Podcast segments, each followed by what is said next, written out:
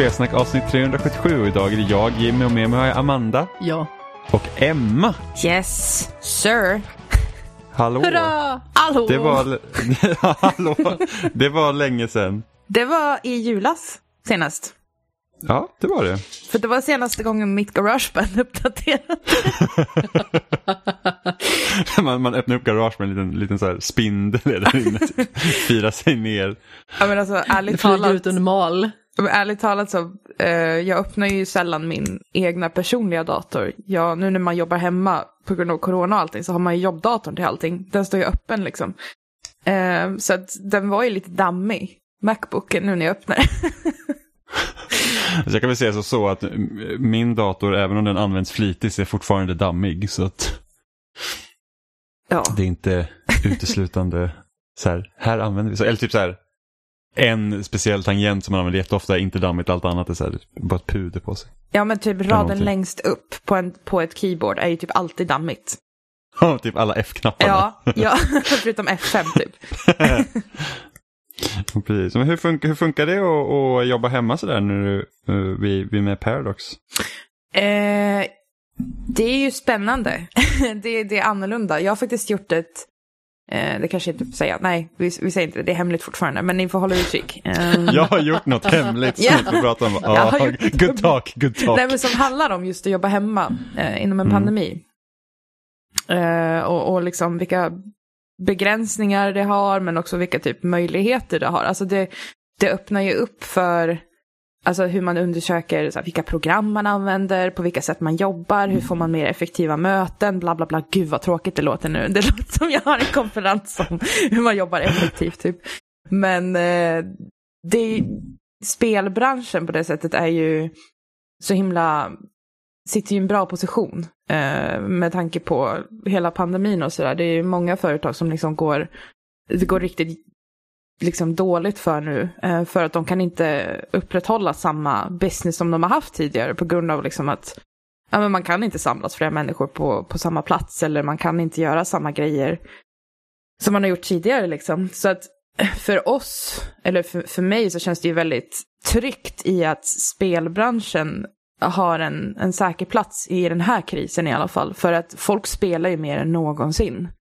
Ehm, just på grund av att man inte är ute och gör andra saker utan man, man är hemma och eh, isolerar sig istället och, och träffar sina vänner via communities online. Så att för, för mig så är det ju spännande att vara i en tid, alltså det ändrar ju också sättet man jobbar på. Vi pratar ju inte om fysiska events längre utan nu kommer jag göra shameless reklam här, men vi har ju PDX-con nästa helg som är ett helt, eh, som är ett event som vi på Paradox gör, eh, som är väldigt communitybaserat och eh, det brukar ju vi ha fysiskt, liksom vi har haft det både ute i Stockholm, i Nacka och vi har haft det i Berlin liksom, men med tanke på omständigheterna nu så är det helt digitalt. Ehm, och det öppnar ju upp, alltså, både möjligheter, liksom, gud, hur ska vi göra det här? Hur gör vi den bästa digitala upplevelsen? Men också, okej, vi kan absolut inte göra på samma sätt som vi gjort förut. Vi måste tänka om eh, på alla Mm. sätt.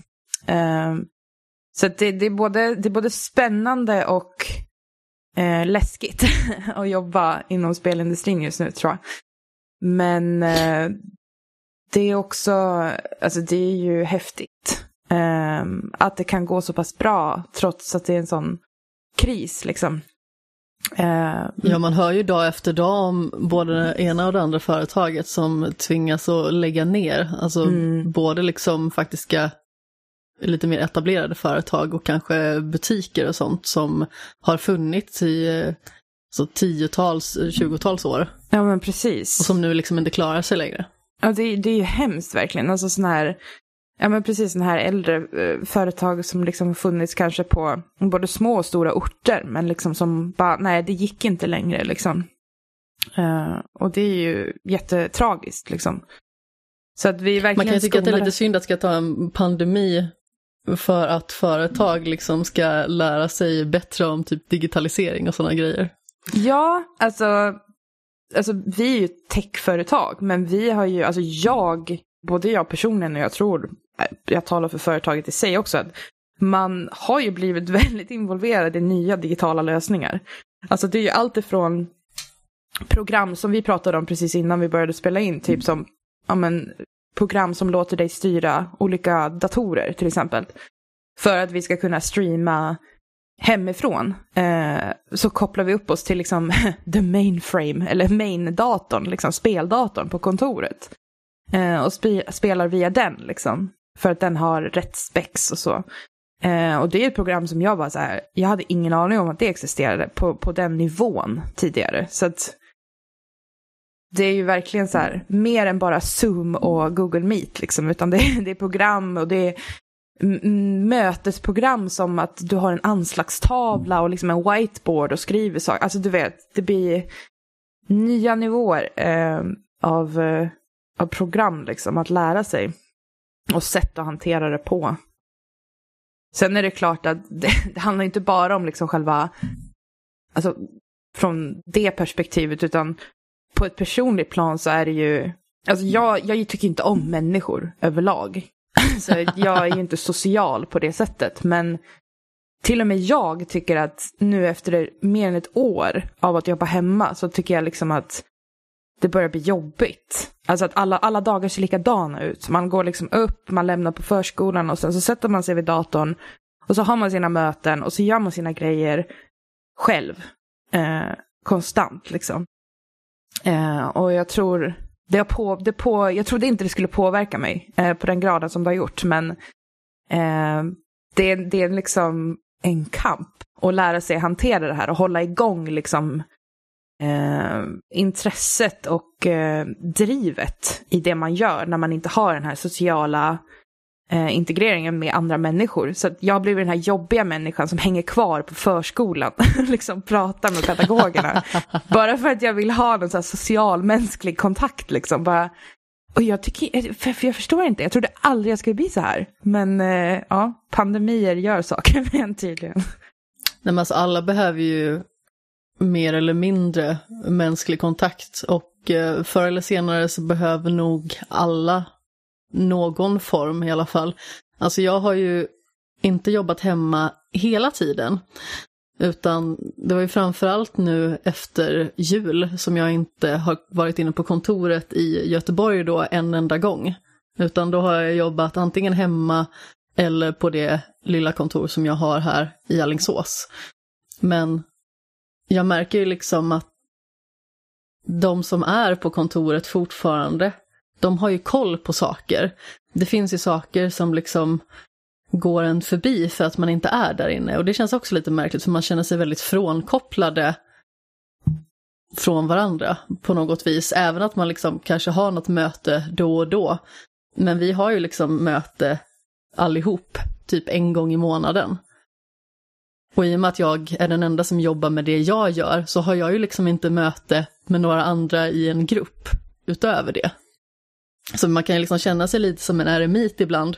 Så nu det senaste har jag faktiskt försökt att lite mer typ så här, gå till olika ställen så att jag, jag går till gymmet och så försöker jag liksom eh, passa in lite så här vardagsmotion och frisk luft och grejer så att jag, eh, jag vet inte, pignar till lite extra på grund av det. Och sen så i och med att jag har eh, pass och så på gymmet så får jag ju liksom, om vi säger, mänsklig kontakt på det sättet. Men det känns ändå ganska absurt när man bara tänker så här att jag har liksom inte varit inne en enda gång på kontoret sedan förra året. Alltså det är helt sjukt. Det är helt sjukt eh, när man tänker på det. Liksom. Jag, eh, Robin jobbar ju också på Paradox fast på IT så han måste ju åka in några gånger uh, i veckan ändå. för att någon måste hålla igång den stora datorn så att säga. Eh, och då han, har... sitter, han sitter och vevar igen. Slå på den gamla Bettan liksom. ja, men, Nej, det, det, är ju... Ja men precis, ja, men alltså, det är ju så när, när företag liksom jobbar hemma och sådär. Det är någon som måste skicka ut alla grejerna. Det är någon som måste se till att allt funkar i bakgrunden liksom. Eh, så att det, det, är ju IT och Office eh, hos oss som, som har den kulan liksom. Så att han, eh, han åker in några dagar, de har liksom rullande schema typ. Uh, och han fotade, Robin fotade mitt bord uh, på kontoret. Och det kändes helt surrealistiskt att liksom bara, jag har inte varit där på över ett år. Alltså det finns vissa av mina kollegor som jag aldrig har träffat. in real life. Det finns vissa som liksom börjat Ja, på här. jobbet och varit där i typ ett år utan att vara på kontoret. Det känns helt surrealistiskt. Eh, det, det känns Man bara, verkligen... existerar de här människorna Ja, existerar de utanför min skärm? Jag vet inte. Eh, men ja, väldigt speciell situation. Eh, jag tror att det har fått oss alla att uppskatta, alltså inte uppskatta människor kanske, men eh, uppskatta det här vardagliga sociala mer på ett annat sätt. Eh, det är klart att man i början var så här, åh gud vad skönt, jobba hemma, slippa träffa människor. Men inget är gött så pass länge, liksom, när man inte kan styra över det, när man inte kan välja själv. Liksom. Eh, så nu kommer jag gå på mammaledighet innan eh, jag hinner tillbaka till kontoret. Jag hade ju hoppats att jag skulle hinna tillbaka, men den här nya bebisen kommer ju nu om bara några veckor, så att jag kommer inte hinna tillbaka då vi fortfarande har liksom jobba hemma policy. Eh, I alla fall fram till sommaren. Så ja, det, det, jag får- komma tillbaka i mars. Kanske då har jag varit borta då från kontoret i två år. Helt sjukt. Det måste det måste kännas jättekonstigt. Wow. Det är så här, Ja. det är typ, du har typ gått igenom så här The Walking Dead. Samhället är helt förstört och nu ska jag komma tillbaka. ja, men jag kommer inte känna igen mig någonstans. Alltså, du vet. Nej, alltså det, det, det, det kommer vara jättekonstigt. Så jag har ju också börjat ett nytt jobb och jag har haft liksom onboarding digitalt slash varit fysiskt på plats också. Ja. Och det är också liksom Det är också lite liksom speciellt med tanke på att det är så att ibland sitter man hemma och sen så bara Jag måste bara hitta någonting att göra just nu och lära mig någonting jag måste lära mig för att det är Mm. liksom ingen jag kan fråga helt plötsligt. Bara så här, jag vet inte riktigt vad jag ska göra nu. Eller så här, vad, vad kan jag göra? Utan då får man ju liksom, man får hitta på saker själv. Jag, jag trodde ju att du skulle vara mycket mer på kontoret i Göteborg än vad du har varit. Men sen så fick du ett litet eh, coronautbrott på ditt kontor. Så då var Åh, ju. Ja, precis. Och då, då blir det bara så här, alltså, för det var ju typ det man var mest rädd för när man ska börja jobba var ju det att jag har hållit mig liksom i över ett år. Ja, ja. frisk och sen så bara, och nu ska man börja jobba och träffa massa människor. Men då tänker man sig att nej men alla, alla kommer liksom sköta sig. Liksom, det, det är liksom ingen, folk får bara hålla sig liksom. Mm, eh, Men sen så man vet ju inte, alltså, du, du kan ju ha otur liksom, du kan åkt hiss med någon. ja men var sjuk, precis. Det går ju liksom inte. Och då var det någon, så då var det så att okej men då är det bara att vara hemma. Så jag, var, jag var inne en gång förra veckan. För att vi, har- vi, vi har ju också så här livesändningar och sånt. Vi Mm. sänder ju så kurser och sånt. Vi håller på med arbetsrätt och väldigt mycket sådana saker. Eh, så HR-system och grejer. Så att jag är väldigt Mm. inne på det här med att hur ska eh, framtidens arbetsplatser se ut Oj. efter pandemin. Oj, oj, oj. Ja. Eh, och då sänder vi så digitala kurser och vi har webbinar och grejer så att då, då har vi liksom livesändningar. Så att det är typ den supporten eh, som ofta är inne på kontoret då. och där ska jag hjälpa till sen.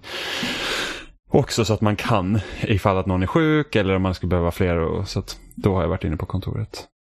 Det är ganska spännande just vad pandemin har gjort på det sättet. För att nu har vi tänkt hela tiden så här, ja vi, vi, ska, eh, vi ska fixa den här situationen som vi har nu. Men nu börjar fler och fler företag tänka liksom, hur gör vi sen när det är över? Liksom.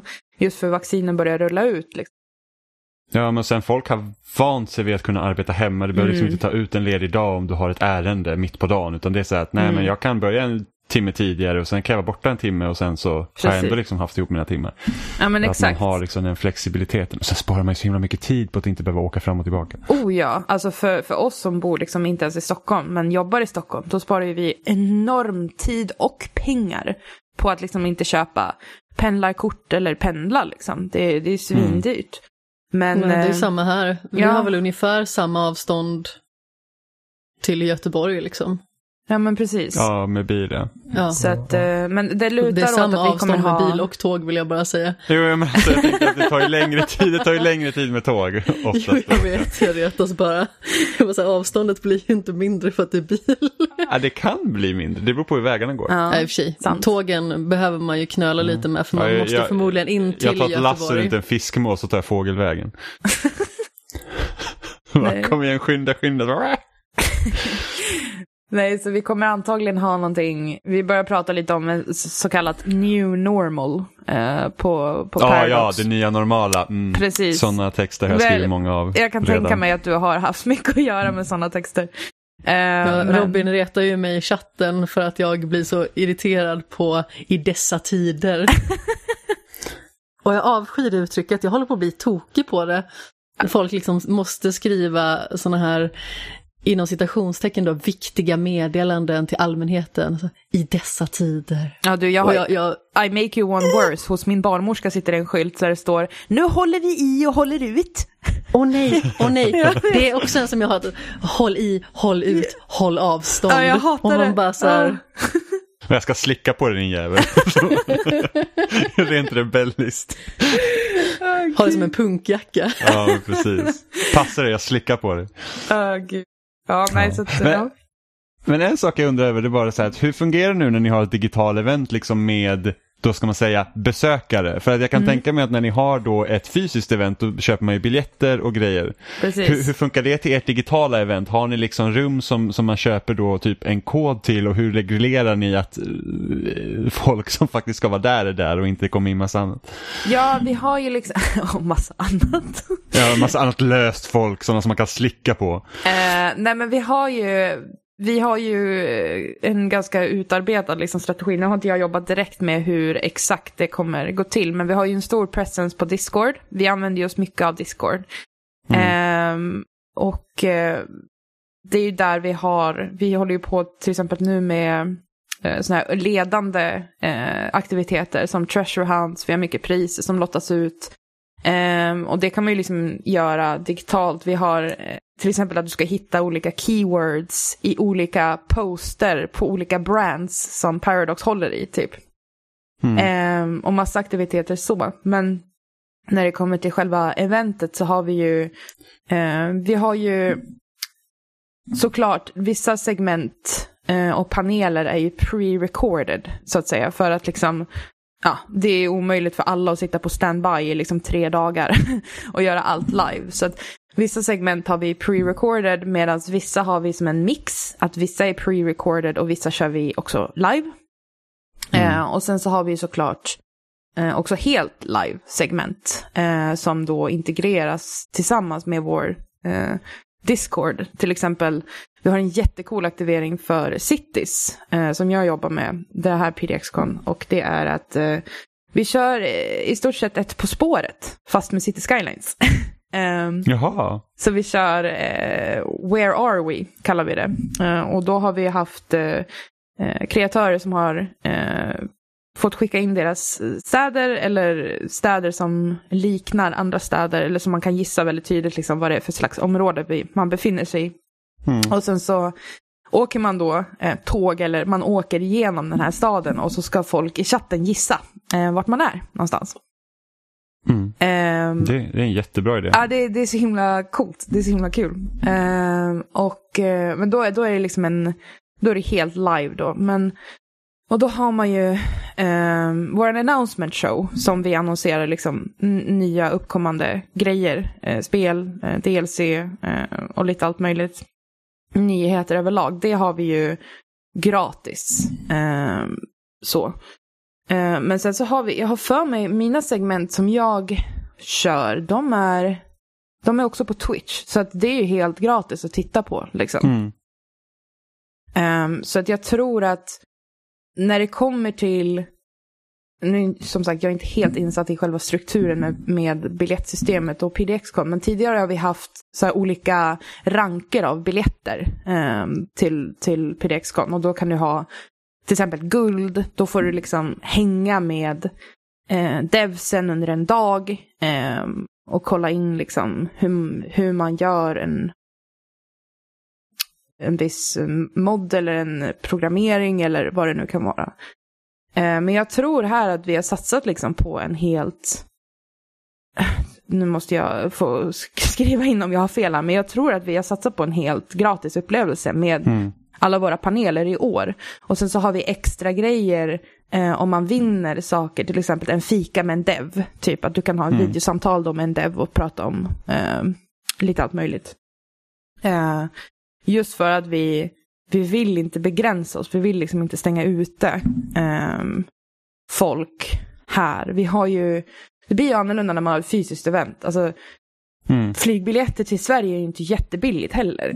så att vi har ju många Nej. av våra fans är ju från liksom USA och, och runt om i Europa i och för sig. Men eh, biljetter till USA, det är ju liksom inte superbilligt. Så att de som kommer, de är ju verkligen hängivna fans um, från vårt community som liksom um, inte har, eller liksom lägger pengar, dyra pengar på att komma och liksom bjudas in till den här upplevelsen. Så att, gud, jag hoppas verkligen jag har rätt nu, att det här är helt, helt gratis. Men um, jag vet att mina segment är det i alla fall. Uh, och det är väl vårt sätt att ge tillbaka. Att, att, att, ni satsar på att ha så mycket gratis som möjligt då? Ja. Med reservation för att det kan finnas saker som kostar? Ja. Gud, jag borde verkligen varit påläst om det här innan jag gick in. men, ja, nej, men, det, ja, precis. Ja, men det, det, det är spännande. Det ska bli alltså alla event är ju liksom digitala. Alltså som ja. E3 ska ju vara helt digitalt, liksom, även om de försökte fula sig. Eh, med ja. att ha jättekonstiga klausuler, typ såhär, ah, ni vill såklart vara med på E3, det kommer vara skitdyrt. Alla bara såhär, eh, vi kan typ göra det här själva för det har vi gjort ett år nu. Men och de exakt. bara, nej vänta nu. no wait, don't go. ja, typ hallå, ni ska ju betala oss massa pengar. Vi skojar ju bara. ja, så att det, ja, nej men det ska, det, det ska bli spännande. Och sen, sen kan jag tänka mig liksom att när man, man bara rent liksom tänker då om, så här, ur, ur pressynvinkel då, liksom E3 och sådana grejer som att jag har aldrig varit på E3, Amanda har aldrig varit på E3, du har ju varit det, men liksom, vi följer ju allt digitalt redan så det är inte jättestor skillnad. Ja men precis. På den punkten. Exakt. Mm. Men vi ska inte bara prata, vi ska inte bara göra reklam för Paradox idag. Nej, ja, I'm fine med det. Göra reklam för corona. ja, vi, ja, vi ska inte bara göra reklam för corona, så alltså, bara våga bli smittad. Nej, bli inte det. Eh, det är ju så att uh, Mass Effect Legendary Edition släpptes ju i fredags. Vad säger och, du? Uh, och så om, om jag vill minnas rätt Emma så, så var du ganska förtjust i den här serien. Tycker att det är helt okej. Okay. Ja, alltså det var liksom så att jag, jag har en aning om att du kan tycka att de här spelen är helt okej. Okay. Ja, men de, de är reko liksom. Eh, det är inte som att de har liksom format mitt liv på något sätt. nej, nej men precis. Nej. Så att det, det är liksom så att det är Ja. Det, det, är liksom, det, det, det är lugnt. Ja. För att du har ju spelat de här spelen jättemånga gånger. Ja. Och Amanda är ju på sin typ första runda ish. Hon har börjat flera gånger Aha, men okay. inte slutfört det. Ja, alltså mitt problem med det här, det är liksom att Mass Effect har håsats upp väldigt, väldigt mycket för mig. Det är en serie som jag jättelänge har velat ta mig igenom och jag visste liksom kanske inte riktigt när jag började spela hur jag skulle göra det. Och då har jag liksom lyssnat på spoilercasts om och om igen om serien. Och jag älskar ju liksom universum, jag älskar karaktärerna, jag tycker att det verkar hur spännande som helst. Eh, och problemet för mig blir liksom sedan att när jag ska spela det så har jag väldigt svårt att navigera mig. För att det jag framförallt vill det är liksom att ta mig fram och jag vill ju se saker. Men ibland så kan det bli väldigt överväldigande och förvirrande. Och jag tror att stor tid som jag har lagt de försök jag har liksom gjort med första spelet, det är liksom att jag har sprungit omkring liksom som en, jag vet inte, en skollad iller och liksom inte hittat någonting. Och eh, nu så känner jag att det här är lite lättare att navigera med. Alltså dels så har jag ju lärt mig mer om liksom spelstruktur och hur det funkar bättre för mig själv. Samtidigt så har jag ju Jimmy liksom som har spelat spelen tidigare så känner jag liksom att okej, okay, nu hänger jag liksom inte med här. Vad ska jag för någonstans? Samtidigt så jag hittar ju så jävla dåligt. Ja. jag kan ha gjort ett ställe precis. Alltså, en exakt. blind leder en blind. Ja men typ så här, tio minuter sen blir jag klar med det. Amanda säger vart är jag ska? Och jag tittar på hennes skärm och bara så här, uh. Men det här var lite som när jag träffade en kompis i Göteborg en gång. Eh, och han bara så här, jag har inte glasögonen på mig så jag ser inte så bra. Jag bara, men vad ska vi då? Uh, jag tror vi ska ditåt, jag ser ju inte riktigt. Och man bara så här, ja det här känns bra, jag vet inte vad vi ska och du ser inte. Men hur kändes det för dig Emma att liksom återvända till den här serien nu? Hur, hur länge sedan du spelade Mass Effect senast liksom? Uh, oj, alltså nu har det ändå gått ett tag. Jag hade ju en period i mitt liv när jag spelade det liksom typ två gånger om året. Eller mer, mm. tre gånger om året säkert. Uh, just för att det, det, gav en slags trygghet uh, till mig. Att jag liksom, för, jag visste vad som skulle komma, jag visste det var liksom hemma för mig på något sätt. Eh, och Mm. jag använde mig mycket av den världen när jag pluggade. Eh, för då kändes det som jag kunde ingenting. Men när jag kom till den världen då kunde jag massor. Eh, det var liksom hemma för mig. Eh, så nu var det nog, ja men det, det, det kändes ju väldigt, speciellt ettan kändes ju väldigt föråldrat. Eh, här de senaste, senaste åren här. Eh, så att jag har liksom dragit mig för att återvända. Så jag är inte den som gillar att bara, ja men jag tar tvåan eller jag tar trean, utan jag vill köra hela, liksom. Mm. Hela storyn. Så jag har dragit mig för det de senaste åren, så jag tror det senaste gången jag, jag spelade igenom hela, jag minns att jag minns att jag och Robin var tillsammans i alla fall, så det är inom fem, fem år i alla fall. Ehm, så jag skulle gissa på kanske 2016, eller något sånt där. Mm. Ehm, så det är ju ändå Hur många liksom... gånger har du spelat om de här?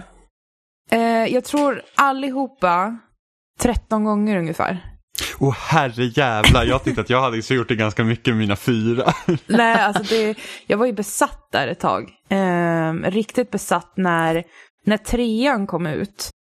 Um, då hade jag en av mina besatthetsperioder när jag mådde liksom psykiskt dåligt överlag, liksom privat. Och sen så, ja men då var det liksom som att man sökte sig till um, det, be, det, det bekväma, det trygga liksom. Så att jag satt ju, förutom att spela spelen, så satt jag ju väldigt mycket och bara men läste på. Och jag kollade på så långa videos om om alla val som gick att göra och eh, intervjuer och fanfic och Tumblr var ju liksom min go-to place för alla, alla liksom sorgliga gifs som fanns från det här spelet. Så att, ehm, hela mitt liv har ju uppslukats av det här. Så att många gånger har jag känt att jag måste spela om för jag måste veta vad som händer om jag gör det här valet.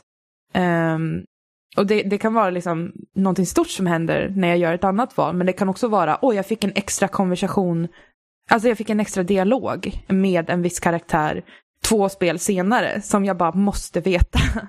Ehm, och tyvärr så är det ju Robin som råkar ut för min, min lore eh, knowledge nu. För att jag kan ju inte hålla mig. Jag måste ju säga alla de här grejerna som jag vet nu när vi spelar om. Eh, så han sitter ju... Robin bara spoilers! Men han bara typ, ah, here we go again. Typ så här, han bara tittar så bara, ja, ah, säg det. Jag bara, nej men jag ska inte. Han bara, jag ser hur det rycker i dig, säg det bara. Och så så bara, visste du att man ska... Näsvingen börjar vibrera liksom. ja, nej men så det känns ju som, ja men det känns som att, det känns som att komma hem. Eh, fast eh, huset är renoverat, typ. Renovera sig, det, det är lite snyggare men ändå lite fult. ja, men alltså jag, jag är ändå, jag är ändå förvånad över hur, hur bra de har lyckats få ettan att se ut. Mm. Eh, vi började ju spela, vi, vi har ju barnvakt hela helgen. Eh, för att vi ska kunna spela så mycket som möjligt. Eh, och eh, vi har ju, vi har kommit, vi har ju börjat med ettan obviously. Eh, och har kommit, jag har precis blivit klar med Feros och Noveria. Ehm, Mm. Vilket är liksom typ 3-4, eh, part 3-4 av de största missionen som finns i spelet. Men eh, det, det tar ju tid. Robin var ju lite naiv och bara, ja ah, men det här ska jag hinna med, klart med. Liksom. Och han har suttit och skannat planeter. Ah, Rob, typ. Robin, Ja. Robin underskattade tid, vad Ja ovanligt. men eller hur? Han bara, det här hinner med massa, bara, alltså hallå. Det roliga är att han har suttit och skannat planeter i typ sju timmar. Ehm, Det låter också som Robin. Ja, det låter faktiskt som Robin. Hur kan ehm, man effektivisera planetskannandet? Ja, nej, så, Samtidigt som jag typ har en slev i matskålen och ja. Ja, nej, men han är en, eh, ja, han, han gör mycket, mycket på en gång. Men det, det som slog mig först var ju liksom eh, hur, det känns som hemma men det är ändå en uppdaterad version av hemma. Liksom. Mm. Ehm, och det känns ju inte, alltså det känns ju jättebra. Alltså jag måste bara få det ur mig först innan jag börjar säga något annat. Det känns ju superbra. Alltså, förutom att det känns liksom gameplaymässigt och grafikmässigt och, och uppdaterat på det sättet så är jag ju så himla glad över att folk som till exempel Amanda som inte har upplevt det här tidigare för att det har känts tradigt, det har känts liksom, det har hypat så mycket och sen så när man väl startar upp det så är det bara brunt. Alltså jag känner igen det från Halo till exempel, att bara, vad är det här liksom, varför är det så upphypat? Att liksom de får chansen att se det här som man själv såg det eh, när det kom. Eh, Mm. Jag minns det liksom att, nu spelade inte jag Mass Effect 1 när det begav sig, utan jag kom ju in i Mass Effect när Mass Effect 2 kom. Ehm, Mm. Så att jag har ju liksom Var gått det tillbaka. 2009, 10? 2010. Precis, så att det var ju liksom... Ja, det, det, det var liksom bakvägen på något sätt. Så att eh, jag är bara så lycklig över att den här chansen finns nu. Alltså vi som tycker om Mass Effect, eller Mass Effect-fans, har ju drömt om en remake eller en remaster hur länge som helst. Ehm, så Mm. det, när de annonserade det, du vet, jag, i våran chatt till exempel, alla skrev ju så här, ah, men nu händer det liksom, nu har de sett det här och det här och det här. Jag, säga, jag tror inte på ett skit förrän jag ser det liksom i, i min hand, förrän jag startar upp det på min konsol. Då tror jag på det Mm. liksom, för att Nej, men folk har liksom pratat om Mass Effect, liksom, trilogin komma till de då nya konsolerna ända sedan i princip Xbox One och PS4 kom ut. Ja, men precis. Och det är ju ett bra tag sedan vid det här laget. Ja, ja, gud ja. Det var ju liksom direkt, alltså bara något år in på den liksom konsolcykeln, då var det så här att, ja men packa ihop Mass Effect och släpp det igen. Ja. Liksom. ja, Jag har ju verkligen suktat efter liksom en uppdaterad version också, bara för att när jag väl startade ett så gammalt spel som det ändå var redan när jag testade det, det var ju typ tio år gammalt när jag faktiskt testade det första gången. mm, Alltså, det är inte alltid så lätt att komma in i för att nej. just system och så är inte alltid riktigt så utvecklade eller så användarvänliga så det kräver ganska så mycket av en och i och med att det finns så himla mycket olika typer av upplevelser att ta till sig nu för tiden då är det lätt att det är någonting annat som liksom kräver ens uppmärksamhet och Mm. att man liksom faller ur det. Jag har ju till och med skrivit en text om hur jag aldrig får spela Mass Effect för att jag liksom kommer aldrig till skott eller jag kommer aldrig vidare eller det är hela tiden någonting som sätter käppar i hjulen. Mm. Eh, Så jag tycker det känns väldigt liksom skönt att äntligen få vara igång, för jag är ju helt övertygad om att jag kommer älska slutprodukten liksom när jag är klar med hela trilogin. För att jag älskar ju liksom berättelsen och jag, jag vet ju eh, på rak arm ganska så bra vad som händer i många fall. Sen så är det ju många saker som man inte vet om eller som man inte har hört talas om som man nu kanske kommer få se då. I och med att det finns så himla många olika val att göra. Mm. Men det känns ändå som att jag har kommit in i flytet nu och plus att jag håller ju på liksom ska göra en, en specialföljetong så jag antecknar ju mycket också och det, det hjälper också väldigt mycket att få ett ännu bättre grepp om vad det är man ska göra i spelet. För att då känner man ändå så här att ja, men nu har jag gjort det här eh, och det här kommer leda upp till det här. Så då känns det som att man liksom sätter på något vis eh, lite alltså, stödnoteringar för sitt framtida spelande också. Och inte bara för det som har varit. Och, och det är ju en så stor grej med Mass Effect, att även om man då vet vad som kommer hända, så serien är ju, den är så djupt förankrad i att du skapar din egen karaktär. Att det liksom spelar ingen roll att du har sett någon annan spelat igenom de här spelen eller liksom hört om det i någon annan spoilercast för att det är inte din Shepard som har gått igenom den resan. Nej men Exakt. Och jag har ju lyssnat på Svampriket och Play before you die spoilercast som är typ 30 timmar lång sammanlagt. Åh, just det, och jag minns när de gjorde den. Ja, och den är jätterolig och jättemysig och jag har lyssnat på den så många gånger och alla har ju så himla olika upplevelser. Alltså vi har ju till exempel Tobbe som spelar typ Renegade i stort sett hela vägen och han säger liksom att det ska vara typ för galaxens bästa eller så. man gör hela tiden så orimliga saker. Eh, typ skjuter karaktärer i ryggen. Eh, skapar skeenden som gör att någon karaktär liksom begår självmord för att den inte liksom kan leva med sig själv i stort sett. Alltså det är liksom så helt absurda grejer och sen så kan någon liksom ha fått en helt annan upplevelse. Alltså det är så himla intressant ändå hur det kan vara så himla olika. Det är någonting som jag tycker är spännande nu när man går igenom den här serien igen. För att senast jag spelade igenom alla Mass Effect-spelen, det kan ju ha varit kanske 2013-2014 tror jag.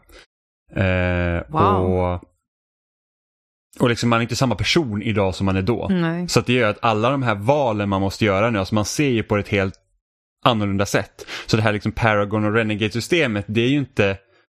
Det är ett system som det är ganska skönt att de liksom har gått ifrån liksom både egentligen i Mass Effect Andromeda och sen eh, senaste Dragon Age Inquisition att det är liksom så att världen är inte så svart och vit utan den är ganska grå och du kan också spela ut efter det. Och det är väl lite det som inte finns i Mass Effect, att du kan liksom inte för att få ut så mycket som möjligt av en runda så gäller det att du liksom går hårt på att antingen vara Paragon eller Renegade. Medan man ofta känner jag så här att äh, men, alltså den här personen som jag pratar med nu är en sån jäkla idiot men jag kan liksom inte riktigt behandla den personen som det bara för att jag måste få mina Paragon-poäng. Men det är ju också så här liksom, precis som i verkliga livet så finns det ju möjligheter där man liksom vill göra någonting eller det finns olika typer av saker man vill säga en person men man kan inte förmå sig ibland eller situationer gör så att det liksom inte finns någon möjlighet och det tycker jag ändå att spelet avspeglar ganska så bra. Just där, jag hade liksom ett val igår när jag verkligen ville att en karaktär skulle göra en grej. Och så gick inte det. För att jag hade liksom inte byggt upp tillräckligt liksom en buffert då för att kunna ta det valet och övertyga den här personen om att det här är liksom det bästa du kan göra. Eh, och så kan det ju också vara i verkligheten, liksom att ibland så har man liksom inte tillräckligt med pondus för att övertyga någon på något vis. Så på, på så vis så fungerar det ganska bra. Men sen så som sagt, allting är ju inte svart eller vitt, utan det finns ju en mycket större gråskala än så. Sen så, sen så är det ju själv hur jag spelar, för att jag kommer ihåg att ni, en sak som är, är, väldigt lustigt med första spelet, det är ju det att det, det sätter ju ganska hårt att människan är, är en form av underläge. Liksom, vi är ändå ganska vana med att, liksom att i spelar med ett fantasyspel till exempel så är det alltid människan som liksom håller sig överst. Det är liksom så att man, människorna är flest, de typ härjar och, och, och, slår runt och liksom alla andra raser då, de får ju liksom passa sig lite för att människan liksom uppstudsig. Och Men här... så är det ju också i verkligheten liksom att människorna är ju den mer superiora rasen liksom. Jo, jo. Eh, som styr världen. Precis, men här sätts man då liksom i ett underläge och spelet, jag tycker spelet pushar en lite att vara smått xenofobisk. Att man liksom är så här typ att åh det där är en alien-ras, det där ska vi hålla oss undan liksom lite. Eh, och jag tror att första gången jag spelade Mass Effect så var jag lite så. För jag, liksom så, jag såg liksom inget problem med att typ Ashley var så att ugh, alien. Så jag kommer ihåg att anledningen till att jag inte typ romansade Liara var för att hon var en alien. My Va? fucking god. Ja, ja men det Jimmy. var 2017. 2007, 2008, jag var, jag var väl 17 år. Liksom. Jag var liksom. ung och dum. Eh, jag, var, jag var ung och dum. Eh, yeah. Nej men liksom så här att, för att spelet är verkligen mycket så att det är lätt att ramla ner i liksom så här att, uh, aliens, det blir väldigt mycket vi och dem. Eh, och nu när jag spelar så när jag liksom liksom har, har gått liksom högre utbildning och liksom varit med i flera liksom situationer där man liksom har fått liksom eh, pressat liksom, eh, olika typer av idéer. Så, så man ser liksom så att fan det är jävligt lätt att hamna ner i det liksom kaninhålet om man vill. Jag är ju precis tvärtom. Alltså jag gillar ju till exempel Liara jättemycket. Ja, jag med. Så jag försvarar ju henne mot alla liksom svinigheter och jag liksom såhär bara Ashley du ska passa dig jävligt noga. Ja men jag tror att jag också liksom. Rör inte min Liara. Jag har ju alltid varit så att jag är snäll mot alla karaktärer liksom. Men jag, jag såg ju ändå liksom inget, det var, alltså Ashley är sämst, det är ju bara så. liksom hon, Nej, hon är liksom, nu, nu sätter jag ju också henne på plats liksom så här bara att, men alltså herregud, det är liksom, uh, get over yourself liksom. Alltså hur, när du spelar om nu Emma, har du liksom något sätt, är, är det något sätt du liksom gör annorlunda eller är det något du liksom reflekterar över hur du liksom känner över spelet så här initialt? Som du inte har tänkt på tidigare? Alltså, jag håller ju med om att de pushar ju väldigt mycket eller alltså, de, de, hela spelet handlar ju om mycket att man, man ska tänka på sin egen roll liksom i, i samhället på något sätt. Att du kanske inte är eh, vad du tror att du är. Andra människor ser dig annorlunda eller beroende på hur du, hur du liksom för dig eller hur, vad du gör. Liksom att, att det påverkar mer än bara dig själv, liksom, utan det påverkar andra, andra människor, tänkte jag säga, men andra individers syn på liksom, ditt, din ras eller vad, vad du nu vill kalla det. Men det som det som jag lägger märke till också är att i och med att jag och vi har spelat den här trilogin tidigare så är det ju att vi, vi har ju redan den här relationen med de här mm. äh, människorna, tänker jag säga hela tiden, äh, individerna. Vi har ju redan, du och jag Jimmy vet ju liksom relationen med Garrus, vi vet relationen med Rex, vi, vi vet liksom vart den leder. Så på det sättet så blir vi ju också, vi går ju inte in i upplevelsen med de här fräscha ögonen på samma sätt Nej. som kanske Amanda eller någon som aldrig har ens hört talas om Mass Effect liksom, gör. Så att där har ju vi, alltså för dem så kan det ju bli så här, ja, de kanske förråder oss, men vi vet Ja. ju på ett sätt vad som händer, så att vi kan ju ta beslut utifrån det också. Så att jag tror Ja, det blir... Vi kan sätta liksom en annan tillit till karaktärerna för att vi vet vad som händer. Ja, Exakt. det finns ju en viss partiskhet där Mm. liksom också, att man har en karaktär som man sen tidigare gillar mycket. Mm. Alltså jag gillar ju Garrus redan från början, alltså de gångerna jag har testat att spela, för jag har för mig att det var typ så att jag spelade det en gång, kom till ett ställe och fastnade. Eh, och sen så började jag liksom om från början helt och hållet och tog mig förbi det stället. Så båda de gångerna och även den här gången, så här, Garrus man bara så här, vi kommer bli bästisar för evigt. Han är min space bro. För alltid. Ehm, nej men så att jag tror att det, det, det får man ha i åtanke liksom att men det, det är som du säger, man märker ju saker. Alltså nu har det ju gått några år sedan jag spelade senast. Men man märker ju, alltså nu har jag jobbat med spel också så jag vet ju ungefär liksom vilket sätt spel vill pusha en. På, på vilket sätt spel vill framföra sig själva. Liksom, vad, vad de vill vara och vad de liksom, vad är meningen med att de, de gör vissa saker. Eh, Och det är ju intressant att se, ja, men, vi kallar Ashley för space racist för att det är det hon är Ja. liksom, i början. Ja. Och, eh, nu ska inte jag spoila för mycket för Amanda. Liksom. Rymdens SD. Ja, ja, men, ja, ja, men det är ju så liksom. Och, men eh, det, det var en grej som jag och Robin pratade om igår till exempel. Att eh, det kommer ju ett stort val senare i spelet. Eh, I första spelet, eller flera stora val i första, alla spel. Men, men ett som verkligen präglar spelserien eh, väldigt mycket. Eh, och eh, då, med tanke på att jag har spelat de här spelen och jag har spelat alltså alla sex, sju olika utkomster av det här valet. Så kan jag liksom berätta för Robin att det här kommer hända, eller det här händer, tänk på att det här kanske sker om du gör det här valet, för att han hade tänkt att ta ett val. Och sen så sa han nej, då vill jag testa det andra, på grund av att det här ska Mm. hända liksom. Eh, så att, det, jag, jag tror också att det är, det, det är svårt att prata om det här valet utan att säga vad det är, men jag tror de flesta som har Jag spelat tror förut att vet. du vet, eller nu kan jag inte prata ordentligt. Jag tror att jag vet vilket det är du åsyftar. Ja, ja men precis. Ehm, och... Det kommer få konsekvenser i nästkommande spel. Typ. Ja, alltså de flesta val du gör får ju alltså, konsekvenser på ett eller annat sätt. Det beror ju på alltså, magnituden av det. Eh, allt ifrån eh, allt ifrån mindre konversationer som ändras till en viss aggression från vissa personer till att en viss människa inte finns eller du vet, det kan vara allt, allt Ja, möjligt liksom från eh, och jag har ju testat det mesta och det som jag inte har testat själv för att det har gjort för ont att göra det valet, typ Renegade-val. Det har jag eh, youtubat upp. Ehm, Ja, men alltså, typ, att se Suttit med alla... näsduk, bara Ja, ah, men att typ se-. Att se alla Renegade-val i Mass Effect 3, alltså det är liksom så att jag hade aldrig, jag hade aldrig kunnat fortsätta spela. Om jag hade typ varit med om ett av dem. Och så finns det liksom folk som de kör alla. Och man säger bara, alltså det är typ... Ah, Just det inte. Tobbe. Ja, men alltså det är typ... Nej, men alltså- det, ja. Det finns en specifik grej som händer i trean om, om man liksom misslyckas med ett val. Och hade det hänt mig så hade, alltså det hade varit så jävla hjärtekrossande så att jag hade bara sagt nej, den här serien är död för mig nu. Liksom, jag kan inte leva med det här valet. Nej, men precis. Det, det, ja.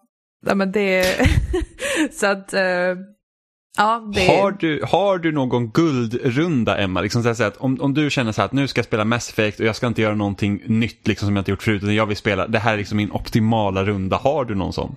Alltså min optimala runda har ju varken liksom maximerad Paragon eller maximerad Renegade. För att det är inte riktigt det det handlar om för mig. Att så här, åh, jag vill ta ett val bara för att maximera en viss poäng. Ehm, det är klart jag har gjort det. För att jag måste veta vad som händer. Eh, men min, min liksom drömrunda ser inte ut så. Utan då väljer jag helt... Alltså, jag går in i karaktären. För det är också en skil- någonting som skiljer första Mass Effect mot de andra Mass Effect. Det är ju att det är så fruktansvärt mycket mer fokuserat på RPG-elementet än vad till exempel Mass Effect 2 är. För att där försöker Mm. de verkligen ta ut det till den bredare publiken och det märks så väldigt tydligt.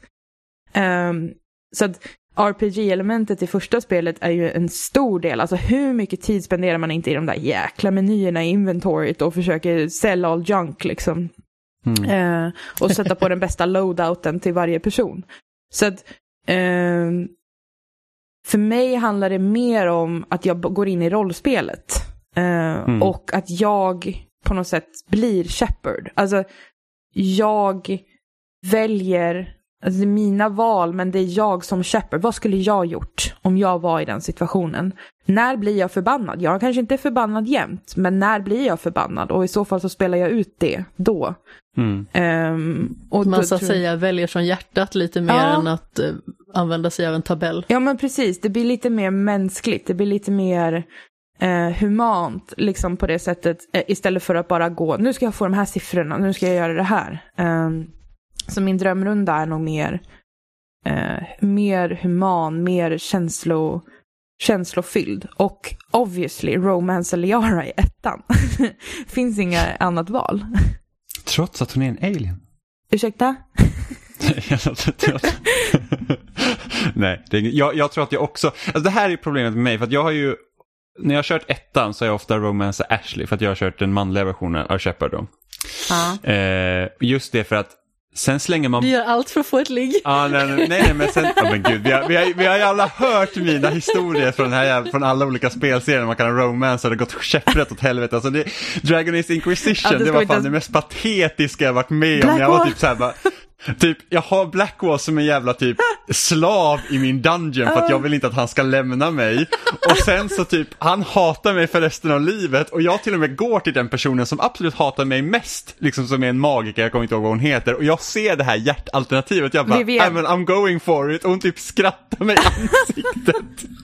och bara såhär, vad tror du? Det är rätt åt dig. Och Iron Bull som jag också hade liksom tittat in lite, han blir liksom, han, han är med, vad heter han, Dorian? Ja. Eh, Ja, precis. Han är med honom och då så här, bara, alltså, ingenting går bra för mig här. Ehm, men jag har ju aldrig varit med Ashley hela, liksom, Serien. fullt ut för att jag tycker liksom att i tvåan så öppnar du verkligen upp nya relationer som är mycket, mycket mer intressanta. Ja. Eh, och, och jag känner så här att jag tror att jag ska romansa Liara i det här spelet. Och sen får jag ju stå för då konsekvenserna i nästkommande spel för jag kommer inte fortsätta med Liara till trean. Det, är- det är lite så Tally jag tänker forever. också.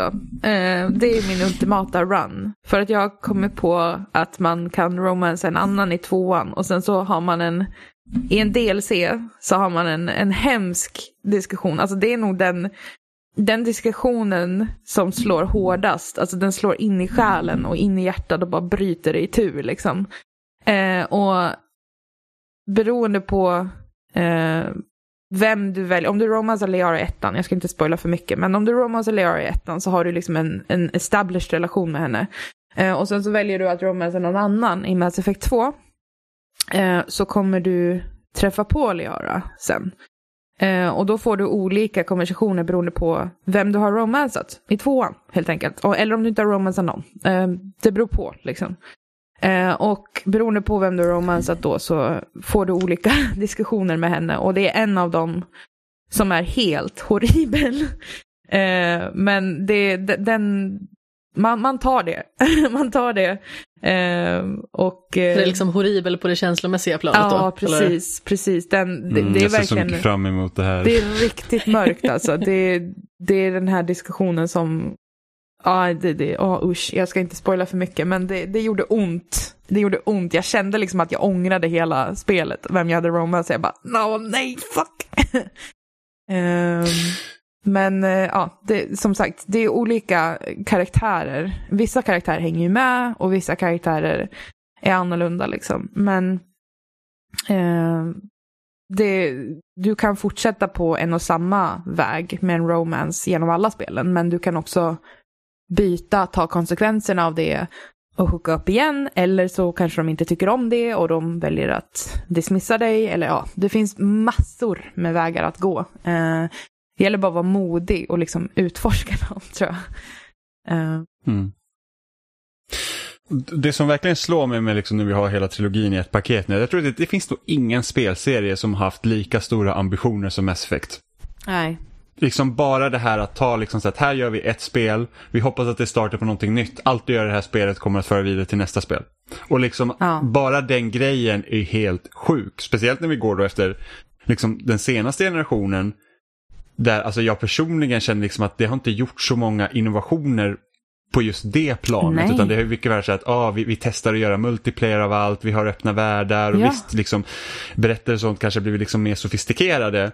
Eh, om man liksom tittar till exempel på Last of Us Part 2, liksom hur, hur, hur det ser ut till exempel. Det, det är liksom det är ju en vinst i sig. Eh, men liksom just det här att ett spel som Mass Effect, alltså det, det, liksom, det finns ingenting annat som liknar det. Nej. Nej, jag håller med. Det, det är helt insane när man tänker på det. Och jag tänker ofta på, alltså all lore. Alltså det, det är som att någon har skrivit så här tio böcker eh, som de har tryckt in här. För det finns så mycket lore bakom. Alltså, och när du skannar planeter, det finns liksom en historia om varje, varje det, planet. Det, det är det sjukaste och varenda codex entry har Ja. någon liksom läst upp. Det är Ja. liksom helt Och, och bara liksom alla, alla olika raserna, vad deras eh, historia, vad den handlar om, hela konflikterna som finns mellan olika raserna, mellan Quarians och Geth, mellan Turians och Krogans och Humans. Och det, det, och liksom, det finns till och med, vi trodde ju ett tag när, innan Mass Effect Andromeda kom ut, liksom, och vad det blev, att vi kanske skulle få ett spel som handlade om First Contact War, liksom, mellan, Mm. mellan Turians och Humans. Men Eh, det finns så mycket lore och jag, jag minns när Mass Effect Andromeda kom, nu jobbar jag med det också så det, är lite, det blir liksom, lite skevt så, men jag minns att när det kom ut att jag var så här, nej men okej, de har ändå, de har ändå några nya raser här. Och så, så börjar jag tänka nu när jag sitter och spelar Mass Effect 1 här, liksom att ja, hur kunde jag, alltså du vet, det, det är klart det är svårt att göra spel. All cred till de som gör spel och skriver och, och lore och sådär, men Mass Effect 1, alltså vem kom på det här? Alltså du vet, det, det är så mycket och att, att man liksom tänker på jämförelsen om Mass Effect Andromeda, nu är det, alltså gud, Dogga med started on hela den historien om hur, hur den produktionen såg ut på det spelet, men där man tänkte att ja, men skriva en ras och en lore-historia om den rasen är stort. Tänk då vad de har gjort liksom med Mass Effect 1 med alla Alltså med, med Hanars och med Volus Ja, och med Alla Battalions. sidoraser liksom Ja. som, som säger att det här egentligen hade egentligen inte behövt vara relevant men allt bygger världen så jävla mycket så det Ja. känns trovärdigt när man redan hoppar in i den. Det är liksom Ja. bara så att så fort man får kontroll över Shepard liksom, och, och är på det här liksom, på Eden Prime och kommer till citadellet sen är man så här att jag är fan fast liksom. Ja, ja men och, och jag tänker också att eh, för, för till exempel Amanda och eller folk som kommer in i det här bara nytt, alltså det måste vara så väldigt, för det känner jag bara av nu och då vet jag jättemycket, inte allt, men mycket liksom om den här världen, att det är så otroligt överväldigande. Här står det liksom en eh, men en, en elkor, liksom en, en stor elefant på fyra ben och bara liksom, ja, ah, jag är en eh, ambassador för det här, bla bla bla. Och, och, du vet, och så kommer man dit och så är det någonting annat och så kommer man dit och så är det en stor historia där och sen är det Azaris och, och du vet, man, man fattar ingenting. Det blir så överväldigande. Och sen så plus att du har den här förvirrande layouten också, gör ju att jag förstår att när man kommer till Citadellet första gången så blir man så här bara, nej fuck det här, jag, jag pallar inte. Ja, jag sprang runt där jättelänge, kommer jag ihåg Ja. första gången. Jag bara, så, jag vet inte vad jag ska, jag fattar ingenting, rädda mig någon. Ja, Men alltså jag blir så himla fascinerad av att folk liksom har skapat det här. Folk har kommit på det här. ja, Det är samma sak liksom, eh, nu, nu för tiden så kanske inte J.K. Rowling är liksom en person som man är jättenöjd med på något vis. i dessa tider. Men, åh nej. Men ehm, när jag tänker på liksom hela Harry Potter-universet, alltså just de första böckerna där, att en person har kommit på allt det här. Jag kan bli så enormt fascinerad av det. Liksom, att en person liksom har gjort alla de här länkarna mellan olika typer av eh, skeenden och i det här fallet olika typer av raser, eh, planeter, allting. Att, att någon liksom har suttit och kommit på det här per egen maskin. Alltså, jag är så enormt fascinerad av det. Ja, men samma här. Det, det bara slår en att herregud vad mycket kreativa människor det finns där ute som kan skapa någonting sånt här och liksom få det att, få det att funka. Liksom. Ehm, det är fascinerande. Men jag vill bara säga en grej att ehm, om man liksom ska gå in på vad de har gjort annorlunda liksom, med Legendary Edition. För det är ju ändå liksom en, en väldigt uppdaterad version och många gånger så känner ju inte jag igen alltså spelet som, som jag har spelat så många gånger. Um, som jag sa så känns det som att komma hem, även fast det är en renoverat hem liksom. Men vissa grejer är så annorlunda. Till exempel när du åker runt och skannar planeter. Alltså, och du hoppar in i photo mode som också är en ny grej som jag kan tänka mig Ja, att Jim har spenderat. fotoläget, man bara ah! Ja, alltså ljussättningen. Alltså är helt insane. Alltså du, du, du vet, jag är van att åka omkring på en brun-grön boll med några konturer liksom. Det, det är det som man var Mm. van vid. Och så kommer det upp en, en stor larv emellanåt, som en thresher maw liksom. Ehm, och det, det var det liksom. Det var några pixlar här och där var en satellit liksom. Men det här är, det, alltså all applåd för hur de har fått det här, eh, hur många, vad blir det, nu kan jag inte räkna, 13 år gamla spelet. Eh, 14 år gamla spelet, att se så pass bra ut. Alltså för att ibland så kommer jag på mig själv bara, det känns som jag spelar Mass Effect 3. Alltså det, det känns verkligen som det. Allt ifrån karaktärscreatorn i början till eh, inzoomningar, till ljussättning, till eh, hur de har liksom gjort, ja men bara att hitta på citadellet, att de har gjort pilarna annorlunda, de är mer utstickande för att du ska kunna hitta rätt. Alltså de har tänkt på hur man tar den här upplevelsen och gör den bättre eh, in i 2021 utan liksom förstöra eh, originalmeningen liksom på något sätt. Och det är Mm. Precis. otroligt fascinerande. Tillgängliggör Ja. utan att skriva på näsan. Ja men precis. Och det, alltså det, det är så snyggt. Det är så snyggt.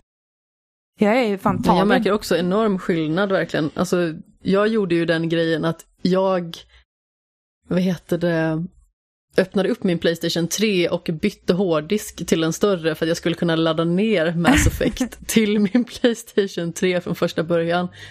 Och det är så himla stor skillnad, alltså typ när de beskriver i den Prime till exempel. Och så kommer man dit i första spelet. Jag kan tänka mig att det liksom var snyggt 2007. Men när man sedan spelade tio år senare på en redan daterad konsol, bara så här, ja, Ja, det kanske inte är det paradiset som man förväntar sig, men nu känner man ju verkligen det när man kommer dit och man bara, oh, här är det väldigt vackert. ja men och, precis. eh, motljus. Nej men precis. Så att jag, jag är verkligen tagen över hur de har liksom fångat själen av vad som fanns i Mass Effect utan att liksom Åh, här lägger vi på det här filtret och här lägger vi på det här och där gör vi det där. Liksom, utan att det känns fortfarande väldigt rätt. Det känns fortfarande väldigt som det var tänkt eh, från början att det skulle, att det skulle vara. Liksom. Och det gör mig så glad eh, att de liksom har liksom tänkt på de här grejerna. Att de inte bara har kört all in på att nu ska det bara se snyggt ut. Utan nej, det ska se snyggt ut på rätt sätt. Liksom.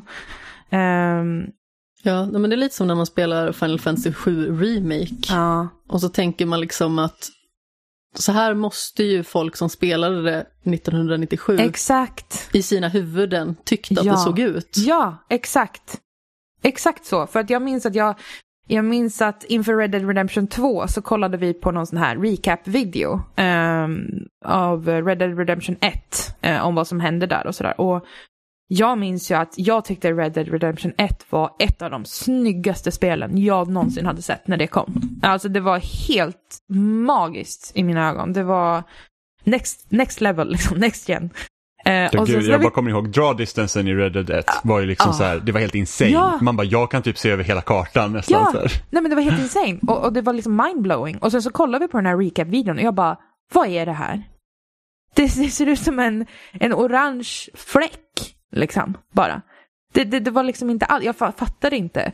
Men då när jag såg det för den åren sedan så var det ju helt magiskt. Så det, det, det är så fantastiskt att man kan ta liksom den upplevelsen som den var då och sen bara flytta in den i framtiden och bara här, för alla er som inte upplevde det då, här, här var det som det var tänkt att se ut. Liksom. Mm. Ehm, och det är jättekul. Sen måste jag säga en till, att jag är så glad över att den här Legendary Edition har alla DLCn inkluderade. Ja, gud ja. Mm. Eh, för att Robin har ju inte spelat. Alltså, Robin, den människan jag var tillsammans med i nästan sex år, har inte spelat Shadow Broker. DLCn till tvåan. Va, det, är, det, är typ, alltså det är typ det bästa DLC för Mass Effect. Ja, det, det är liksom hela the serien i princip. DLC of... Ja, Ja. Så att vi, Ja, vi var- börjar liksom utvärdera vår relation här nu. Eh, ja precis. Det var, det var sex år. Ja, Mm. det, det var. Eh, Ja. Nej men så att jag är verkligen glad över det. Speciellt för att många missade DLCn till trean. Eh, Mm. i, deras, eh, I deras färd med att avfärda oh, slutet sög. Och så ville de inte köpa någon mer DLC. De tänkte att nu är jag klar med det här. Eh, det finns fruktansvärt bra DLC till trean. Och, och jag är Mm. så glad att folk kommer få ta del av det. För att mycket av det DLC tycker jag skulle varit inkluderat i Ja, gud, det är basspelet. väldigt viktigt DLC som typ Mycket. förklarar stora delar Oh, av vad ja. som faktiskt sker. Liksom. Otroligt stora det. Alltså, Ja, och bakgrundshistorier och sånt Ja, också. gud ja, det är liksom så här, he, hela liksom typ bakgrunden till Reapers förklaras i ett DLC. Ja. Och det är Ja. så Det är intressant. Det är så intressant. Vad sa du? Är det Leviathan DLC? Ja, precis, Leviathan DLC. Ja. Där får man liksom stora förklaringen till vad Reapers är och vad, vad liksom, Ja. hur kommer det sig att Sovereign ser ut som Sovereign gör och grejer. Det är liksom... Ja, det är så bra. Det är så Jag är bra. pepp på Citadellet DLC. Och det är så episkt Ja, så det- också. Det är rätt så kul. Typ gamla lumparhistorier Det, DLC. det, det, var, det, var ett, det var liksom det perfekta sista DLC för det spelet. Åh, liksom. gud, man ja. fick bara så här att Ja visst man är besviken över slutet men man har liksom alla karaktärer man har tyckt om och sen så får man ha liksom sista natten med gänget typ. Fanservice på högsta nivå. Vin, kvinnor och sång. Ja men lite så. Eh, men det leder oss in till en annan grej för att vi vet att det är ett nytt Mass Effect-spel som är under utveckling. Yes! Och vi har sett första Eh, teasern. Och vi har sett liksom en första teaser på det och då är ju bara frågan så här, vad önskar du Emma att, att Mass Effect 4 tar vid? Vad önskar du, alltså hur skulle det spelet se ut? Om du liksom skulle få så att det här är the dream liksom. Gud. Alltså min dream har ju på många sätt redan kommit true. För i den här teasern nu får de, de som inte vill se den får gå och se den och sen komma tillbaka, pausa podden och komma tillbaka här. Um, för Youtuba! Youtube it. Mm. Nu, har, nu har vi reklam för Meandis. Eh, för i den här teasern så ser man då Liara i slutet. Eh, och Liara är min babe. Eh, hon, jag tycker Något som hon du är... planerar att typ krossa hennes hjärta. Vi har nog hört dina planer. nej, men, alltså hon, Liara min babe and I will stomp hon, hon, on jag tycker hon är, hon är himla platt Vad var det jag såg, i sa igår? När vi var på uppdrag. När jag stod med typ Liara och Gareth i en hiss. Jag minns inte. Jag var så här, mitt blivande ligg och min bästa vän. Eh, det finns en jätterolig konversation mellan Rex, Liara och dig i Mass Effect 3 om The Romance of Liara. Uh, den är skitkul. Eh, anyway, uh, Liara är med i den här teasern och man ser tydligt, jag har ju kollat på x antal uh, såna här explanation videos på den här teasern, obviously, och läst hur mycket som helst. Frame, frame CSI by frame. Mass liksom. Effect. Ja, ja, Ja, men. Emma har till och med gjort en egen så här video. Enhance. Em, Emma har gjort en egen så här video-essay över den här liksom teasern som hon har på sin hårddisk på datorn. Så här, only for me, så här på typ 40 timmar. Du vet, vi har en Mass Effect-slack på jobbet och jag är ju ganska frekvent användare av den. Det. Jag satt ju... Så här, 10 10 000 inläggsgränsen är liksom redan nådd efter en dag med Emma i Mass Effect Slack-kanalen. Vad tror du jag fixade in Robin på IT så han kan höja min maxgräns? Eh, nej men så att jag satt ju i, jag är ju supergravid och var gravid också när den här teasern kom och jag satt och började bara asböla eh, när den här kom och Robin liksom bara, men vad är det som händer? Hur mår du? Jag bara, det är nästa Mass Effect. Och han bara, nej men kom här. Vi förstår ju liksom den här, det här spelets plats i våra liv är ju väldigt stort liksom. Så, men det var i alla fall Liara och i slutet ser man att hon är lite föråldrad. Så att tankarna går ju till att hon skulle vara en matriark som Ma- matriark Benesia är i första spelet. Alltså en, Mm. en väldigt, en äldre Asari som har levt och har väldigt mycket visdom och så Ja, vidare. har liksom gått in i slutskedet av sitt liv. Liksom. Exakt, Eh, och det är några tusen år. Vilket betyder då att Mass Effect 4 i så fall skulle utspela sig ganska många år efter slutet eh, på Mass Effect 3. Så att det sätter ju också upp en viss eh, förväntan på eh, hur det kommer se ut. Och sen så ser man även att karaktärerna i bakgrunden är av olika raser också. Eh, jag tycker det fanns teorier om att det är Turians och salarians bland annat. Så att det finns ju det finns ju förväntningar och så finns det drömmar om såklart vad som kan hända. Men jag, utifrån mig så känns det som att alltså jag får tillbaka Liara. Jag är superlycklig. Och sen vet jag inte om, jag, kom, jag tror inte att man kommer spela som henne. Det skulle ju, nu, Q, Q tre år framåt eller någonting. Eh, men, eh, ja. Eh, För att en viktig grej är att hon tar ju upp det här N7-loggan. ja, Liksom som, en, som jag enbart liksom kan se spela liksom till den Shepard man var. ja, Och där Eh. finns ju också en intressant grej just med Legendary Edition att de skulle ju teoretiskt sett kunna göra att du kan föra över dina sparfiler till det nya spelet. exakt. Eh, det finns ju så mycket teorier. Det finns så mycket eh, liksom folk som har stoppat frame by frame och de har kollat bak i lore och försökt luska ut liksom vad det kan handla om. Men om jag får gissa så kommer det, om jag får gissa så kommer det handla om flera hundra år efter det som hände i Mass Effect 3. Eh, eftersom man ser att Liara är föråldrad. Eh, och att hon på något sätt försöker eh, pussla ihop no, no, någon slags nytt som har hänt. Eh, inte kanske samma crew, för att många av dem kommer liksom vara döda vid den punkten. Men eh, någonting som handlar liksom, som är centrerat kring eh, det som har hänt, hände i Mass Effect 3. Gud, det är svårt att säga utan att spoila för mycket. Eh, men, men ändå en ny berättelse så, för att jag tror inte att jag tror att på många sätt så satte de in N7-grejen för fanservice. Uh, men jag Mm. tror ändå att Liara kommer ha en lite central roll i spelet. Uh, and I'm happy with Ja, that. men liksom ett nytt spel som tar avstamp i det gamla, fast Ja. som kanske inte vältrar sig i det så mycket i och med att det har liksom fått gå en tid. Ja, och jag tror att de lärde sig väldigt mycket från Andromeda också. Uh, Jag måste bara fråga, vad tyckte du om det? Alltså det här är ett spel som jag testade och kom inte in i det heller. Jag kom in i det liksom mindre överlag, liksom till och med, och släppte det ganska så tidigt av eh, ointresse. Men jag har tänkt att någon gång ska jag spela det i typ studiesyfte. Nej, det behöver det är, typ, inte. det, är typ, det är typ Open World Deluxe. Det tar 30 timmar innan man kommer till det som är bra. Mm. Och det, är liksom, och det vill säga att det som är då man, det man vill ha av ett Mass Effect kommer typ 30 timmar in. Nu vill jag veta vad Emma tyckte. Ja, Ja, jag, jag, jag försökte bara rädda dig från att eh, inte spela ett dåligt spel. ehm,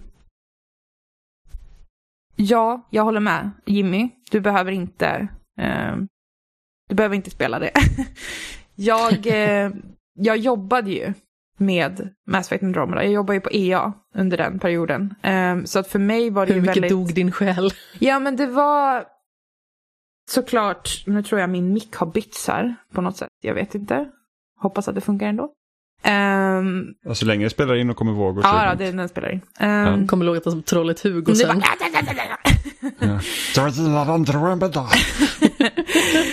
Nej, men så att jag jobbade med det spelet och det är klart att det blir lite skevt då, eh, mina åsikter och, och sådär om, om det. Men det var ju liksom en dröm att få, få jobba med ett brand som man älskar så pass mycket. Alltså det, det, det, det är en dröm, men det är också samtidigt otroligt läskigt.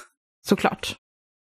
Um, men eh, jag, jag fastnade, jag tyckte att i början så tyckte jag om Ryder. Ehm, ju mer jag lärde känna den karaktären så tyckte jag om i början. Sen så märktes det problem väldigt fort. Uh, historien höll inte på samma sätt. Alltså, allt blir, alltså om vi, vi har precis pratat om hur fantastiskt Mass Effect 1 är och hur kan någon komma på det här?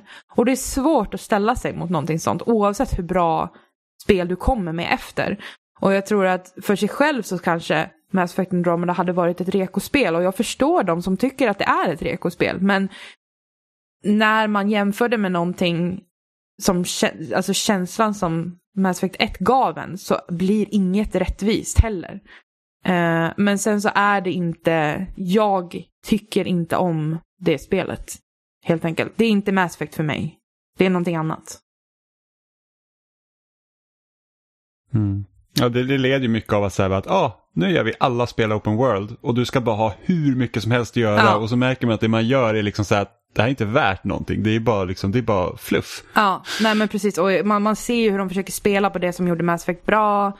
Alltså med relationerna och med politiken och, och liksom. Men, men ä- även, alltså till och med de brungröna runda bollarna i Mass Effect 1, alltså innan, innan Legendary Edition, var, hade liksom mer själ än vad de färdiga planeterna i Mass Effect Andromeda har.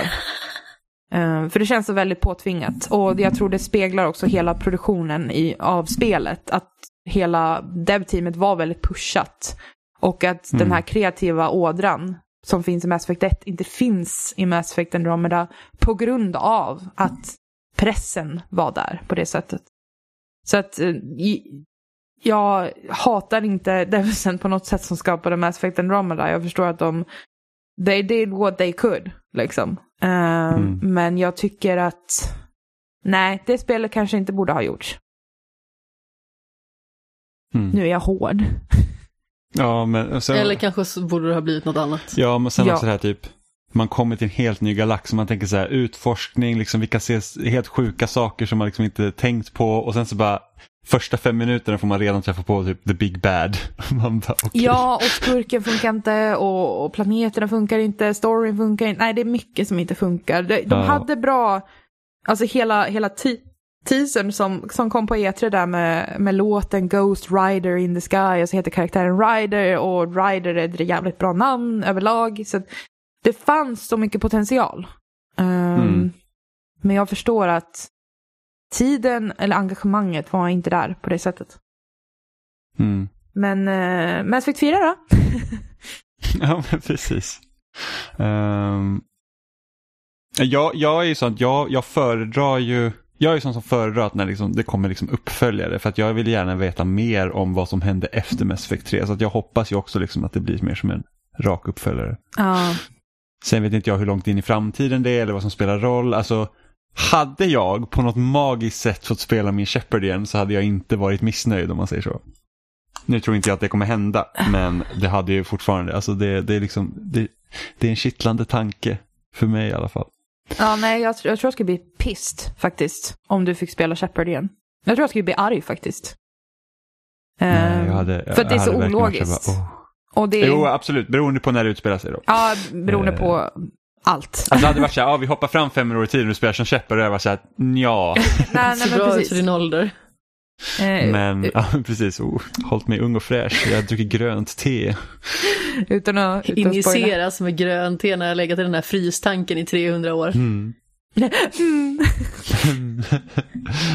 Ja, nej, så att, men, eh, men hittills så, vi har ju bara hunnit med Mass Effect 1 liksom. Det ska bli spännande att se också hur, eh, vad som har ändrats i Mass Effect 2. Ehm, och sådär också. Så att, ja, I'm intrigued. Mm. Mm, nej men det, det är alltså, det, det är ett, alltså det är i princip den bästa speltrilogin som gjorts. Ja, Nästan. ja. Korrekt. Nu kan vi vara vänner. Nej, nu, nu, nu kan vi vara Nu, vänner. Det nu. är liksom nu. Det är sju, Det år, tog tid. sju år senare. Nu är jag och Emma vänner. Ja, jag, jag och Robin ska återuppta vår relation han spelar Shadowbroker också, har vi kommit överens Mm. Och så kommer han säga bara, jag gillar inte Shadowbroker och du bara, Ja. you're dead to me. Ja, nej men eh, skilsmässopapper här då. Ja. Ingen sexy time före Shadowbroker. Och jag tänker klä mig utmanande tills det har hänt. Jag tappade min handkontroll. Med gravidmage. Så bara, ja, det, gud vad stor den är nu alltså. Bara några veckor kvar. mm. Så man klappar man lite hårt så kanske det pyser ut. Ja du, ibland när jag nyser så känns det som att vattnet går så det är inga problem. Ja, eh, gäller att knipa åt. Ja, nej men så att... Eh, jag Bra tips kompis. Ja, jag är ju lite av en expert inom området som man. Och är född. eh, jag re- rekommenderar eh, alla att spela Legendary Edition i alla fall. Det är, och, och även om du har spelat och känner såhär, men jag har redan spelat det. Spela det igen för du har inte spelat all DLC. I fucking bet you. Mm. Nej, men Mass Effect är verkligen värt att spela. Jag önskar bara att det släpps lite tidigare på året när det typ inte kom någonting annat eh, att spela. Men eh, alltså det, det är verkligen skitbra de spelen. Är du fortfarande stressad över att vi inte ska hinna klart med Ratchet Ja, nej, Clank? nu, nu är jag lugn. Vi kommer hinna klart med Ratchet Clank. Vi har bara ett spel kvar Du nu. trodde inte på mig. Alltså det här korta spelet som vi har kvar, det är liksom så här fem och en halv timme. Ja, men det är jag- inga jag- problem. Du har en liten aura av tidsoptimism. Kanske lite, men inte så farligt. Mm. Vi hade ändå så här sex veckor på oss att klara, jag tror att det var sex spel. Ja, det är du bara, jättelite "Ah, det tid. Det gå! är jättelite Yay!" tid att klara sex spel på sex veckor. Det är fan dedication alltså. vi är ju snabba Ja, också. och vi är inte tröttna på den. Det, det är liksom, sen blir man ju lite rädd att, så att när den nya Ratchet Clank kommer då kanske man är så här lite trött på serien. Men det, Nej, Nej. det är så roligt. det, Har vi inte tröttnat när vi har spelat nästan sju spel, eller åtta för egen del då? ja. ja, men man vet aldrig. Det är liksom drömmer typ om muttrar och bultar på nätterna. Det är mycket rymt nu. Ja, det är väldigt Mass mycket. Effect, Ratchet and Clank, Returnal. Ja, Ja, Returnal, min sparning åts upp. Ja. Var det dubbelnamn? Sparning. Ja, så jäkla irriterande. Det var så här typ att funkar skitbra innan spelet släpptes och så kom Day One-patchen och bara fuckar ur allting. Så jag bara, jag ska inte spela det här nu förrän liksom, så att det inte finns en risk att någonting händer. Och sen så kunde du inte hålla Och sen så dig. bara så här, ah fan nu har det ändå kommit några patcher, det, det, vissa saker ska vara fixade. Så jag bara, men nu verkar det vara säkert att spela. Startar upp spelet, kraschar min PS5, jag måste starta av, liksom, jag måste verkligen dra ut sladden från min maskin för att starta om, eh, Men för att kunna liksom gud. använda maskinen. Och när jag startar spelet så börjar de från början. Och den har redan laddat upp den nya sparfilen till molnet så att allt är borta. Nej! Så att det är så här bara att, oh, det här var 16 timmar bara borta och jag var så nära slutet. Så jag var så här bara, kommer nog aldrig klara Returnal. Ja, men det, det, När det. jag skaffade. Folk har sagt till mig, bara, oh, men du som gillar Mass Effect, men du borde älska Returnal. Bara, du, ja, det skulle jag säkert, men jag vill inte wastea 20 timmar av mitt liv och sen så kommer bara ätas upp någonstans. Fast det är ju inte samma sak. Alltså Mass Effect och Returnal är så långt ifrån varandra som man kan komma. Det är bara det att båda råkar utspela sig i rymden. Ja, men, det duger. Det är som att säga att Ratchet Clank och Returnal är samma ja, sak. Lite så faktiskt. Jag lovar att Alexander hade kunnat komma med sånt argument. Att Ratchet Clank och Returnal, de liksom hand i hand. eh, nej men Retur- Returnal är mer som typ ett roguelike Metroid Prime-ish. Ja, de sa spel. också eftersom du gillar Mass Effect och Bloodborne, sa de. Så att I guess... Eller Ja, Souls, fast, eh, typ. Ja, fast ja. Ja, men jag har, jag har sett det, alltså som sagt, jag har bara sett när Robin har spelat lite grann. Men jag ser det mer som en Ja. dungeon space eh, crawler typ. Ja, men typ. Ja. Men det, det, det är ett bra spelare. Ja, och det är inte precis som att man befäster några relationer eller någonting sånt i spelet heller på det sättet, Nej. utan det finns ju kanske så här korn av karaktärer som man stöter på, men den man stöter på mest är typ sig själv. Ja, ja, ja, men det är, man, man, man, man hittar en relation med sig själv helt enkelt. Och sen så, Fan vad det är mer som ett mysterium. Jag är allt jag behöver. Ja, men det är liksom mer ett mysterium som man undrar varför man är i den här cykeln då. Och det finns ganska många intressanta twists and turns i det spelet som gör att det är jätteintressant. Som jag aldrig mer kommer få svar på. När jag skaffade. Mm. Ja, jag jag hoppas det? ju att jag kommer orka då, liksom att känna sig att ja, men jag kan ta tag i Jag har varit lite sugen men samtidigt fan, det var, alltså vissa delar har varit så jävla svåra. Och jag är så himla dålig också spel. Så att det kommer ta jättelång tid. Så har jag suttit där i 50 timmar och bara, nu älskling, ska du få se slutet. Ja, ja det är så det. Men jag tror att det var allt vi hade för den här veckan faktiskt. Mhm. Det blev en hel del Mass Effect som sig bör. Ja. Eh, så var kan man hitta dig Emma? Hemma. Emma. jag Nej, vid men, eh, jag, fin- jag tweetar, jag startade en liten tweet-thread om Mass Effect som man kan följa om man vill. Eh, där jag snackar lite om vad som känns annorlunda och eh, vad jag tycker och så vidare. Eh, om man nu skulle vara intresserad av det. Eh, annars Twitter och eh, på, på Paradox. Obviously. City Skylines, team, go! Mm. Men hur går det för dina typ cykelvägar? Ja,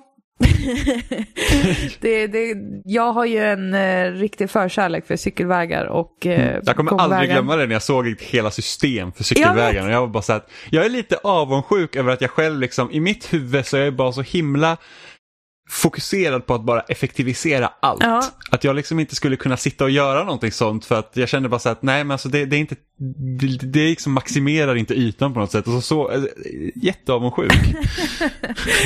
Eh, ja, nej, jag vet inte. Jag, jag vet inte varför just gångvägar och cykelvägar liksom fascinerar mig så mycket. Men jag, tänk, jag tänker mycket på ja, men liksom vad som behövs, alltså vad som behövs i en normal stad. Alltså gör det lite mer mänskligt, In, inte så kalkylerande liksom. Alla, and, alla, andra, alla andra människor bygger motorvägar, Emma bara här är mina cykelvägar.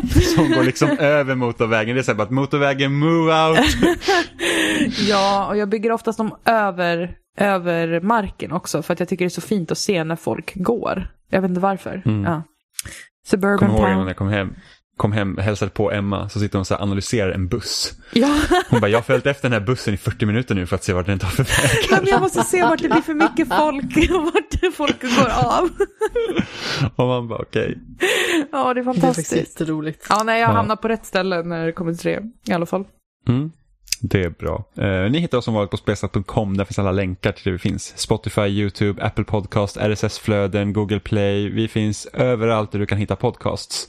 Eh, ni kan också mejla till oss på kontakt spelsnack.com eller byta ut några av våra förnamn, spelsnack.com. Vi finns på Twitter på spelsnackpodd, Instagram, Facebook.